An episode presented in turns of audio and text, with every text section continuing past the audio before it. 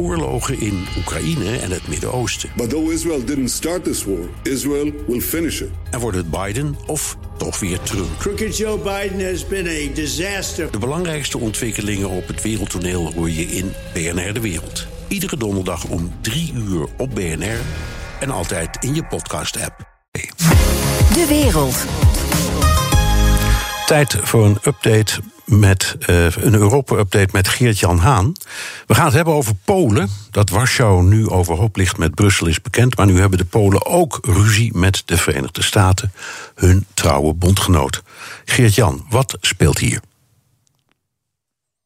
Ja, dit heeft te maken met de hervorming van een mediawet. Uh, de zoveelste hervorming van de Poolse media, want die ontmanteling is al enige jaren gaande. Maar dit keer raakt het een Amerikaans bedrijf. Het raakt Discovery.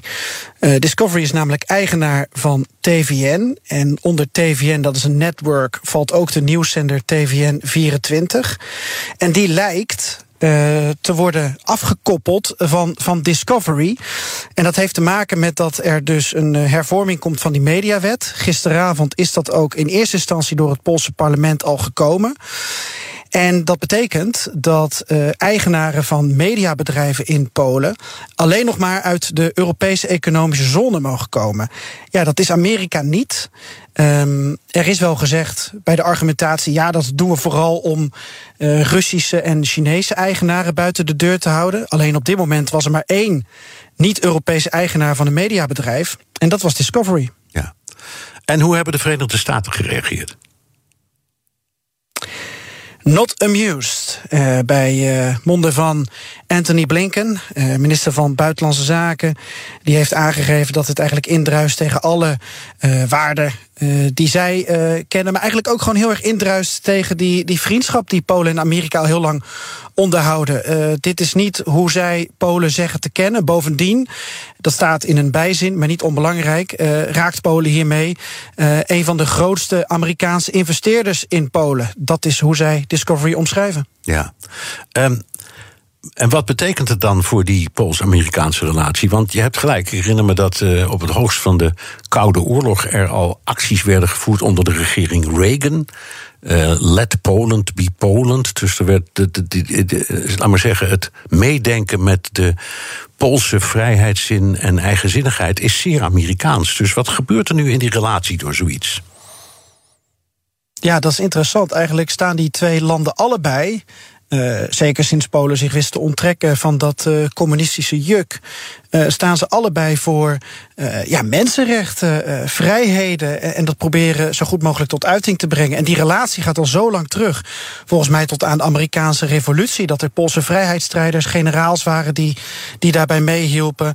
En, en Amerika heeft ervoor gezorgd dat Polen een vriend heeft. Want Polen is altijd de dupe geweest van alle conflicten in Europa tussen Duitsland of Pruisen of Rusland of Habsburg of you name it. Polen was altijd ondergesneeuwd, verdween van de kaart. En Amerika was de vriend. En dat heeft zich geuit met NATO, uh, dat heeft zich geuit met EU, Amerikaanse militairen nu natuurlijk op Pools grondgebied. Uh, ook onder Trump was die relatie nog extra sterk. Ja, en die democratische waarden die staan nu gewoon uh, onder druk. En hoe kijkt Brussel naar deze feten? Ja, ik zag wat reacties binnenkomen vandaag. Uh, vrij typerend uh, wat je verwacht. Namelijk uh, uh, problemen nu met de persvrijheid in Polen. Dat tolereren we niet. Maar buiten dat, mijn analyse is dat dit misschien niet eens heel ongelegen komt voor Brussel. Want Biden heeft een sterke band met Centraal- en Oost-Europa en met de Balkan. Hij zit bovenop deze regio en zal dat nu denk ik ook doen. En die steun, die kan Brussel wel gebruiken. En die steun zal Amerika wel op een of andere manier gaan geven, want Discovery wordt geraakt. En tegelijkertijd, volgende week staat er alweer een nieuw gevecht op de agenda. In de vorm van een, een deadline, een Europese deadline voor de hervorming van de tuchtkamer in Polen. Nou, dat is dus echt een Europees-Poolse vete. Maar wat dat betreft, als Amerika die druk opvoert nu op Polen. Uh, met betrekking tot die mediawet.